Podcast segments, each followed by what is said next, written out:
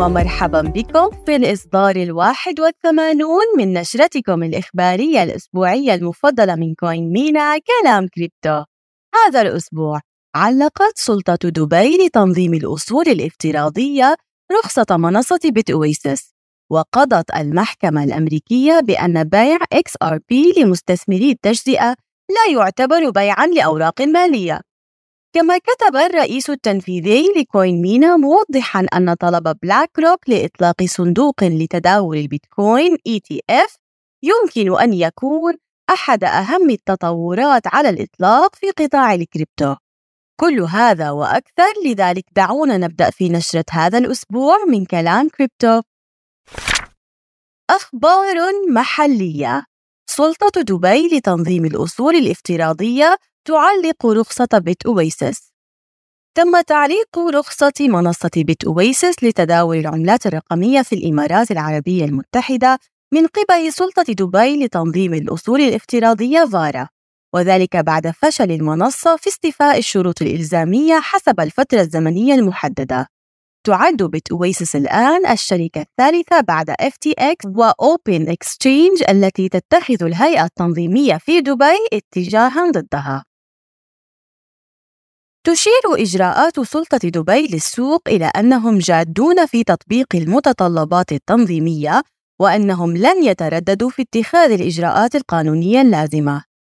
في نهاية المطاف، يعد هذا تطورًا إيجابيًا لقطاع العملات الرقمية لأنه يبث روح الطمأنينة بين المستثمرين حيث أن الجهة التنظيمية تعمل بجد على حماية مصالحهم العليا.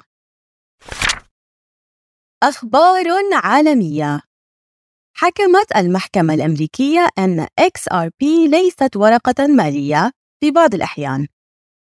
لدينا أخيراً بعض الوضوح التنظيمي فيما يتعلق بالمعركة القانونية بين لجنة الأوراق المالية والبورصات الأمريكية SEC وشركة الريبل حول تصنيف عملة XRP. فوفقاً للحكم الجديد، تعتبر XRP ورقة مالية عند بيعها مباشرة إلى المستثمرين المؤسسيين، ولكن ليس عند بيعها لعامة الناس في المنصات. احتفل مجتمع الكريبتو بهذا باعتباره انتصارا كبيرا، خاصة بالنسبة للمنصات ومستثمري التجزئة. ومع ذلك، قد لا تزال شركة ال Ripple تواجه بعض المشكلات التنظيمية بسبب بيع الأوراق المالية غير المسجلة للمستثمرين المؤسسيين. مدونة الأسبوع. اطلع على أحدث مقال في المدونة لرئيسنا التنفيذي طلال الطباع حول طلب BlackRock لإطلاق صندوق لتداول البيتكوين ETF ولماذا قد يكون هذا الخبر أحد أهم التطورات في تاريخ الكريبتو؟ درس الأسبوع. نقدم لكم مختارات من جامعة كوين مينا أطلقنا منصتنا التعليمية المجانية جامعة كوين مينا لأننا نعتبر نشر الوعي حول الكريبتو أحد الركائز الأساسية التي تؤمن بها منصتنا. حيث سنقوم كل أسبوع باختيار مقال لكي يتسنى لك قراءته والاطلاع عليه. نأمل أن تجد هذه الفقرة الجديدة مفيدة.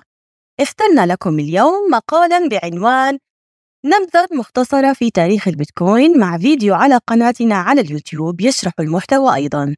تجدون الرابط في صندوق المحتوى.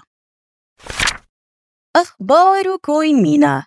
هدية 500 XRP احتفالاً بخبر حكم المحكمة لصالح الربل يسعدنا أن نعلن أننا سنهدي 500 XRP هذا الشهر لخمس مستخدمين. للتأهل كل ما عليك فعله هو التداول بمبلغ 10 دولار أو أكثر خلال هذا الشهر يوليو 2023 مسابقة واحد إيثر عادت من جديد. هل أنت جاهز للفوز بواحد إيثر؟ للتأهل ما عليك سوى التحقق من حسابك على كوين مينا قبل الواحد وثلاثين من شهر يوليو. وقد تكون أحد الفائزين. اختبر معلوماتك الرقمية.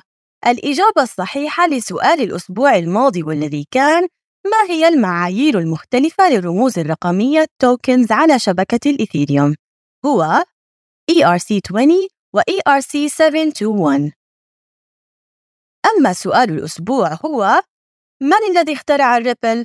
هل هو إيلون ماسك أم مارك زوكربيرغ وبيل جيتس أم كريس لارنسون وجيد ميكالب؟ تجدون الإجابة الصحيحة في النشرة الإخبارية القادمة أو تفضلوا بزيارة موقع جامعة كوين مينا. تجدون الرابط في صندوق المحتوى.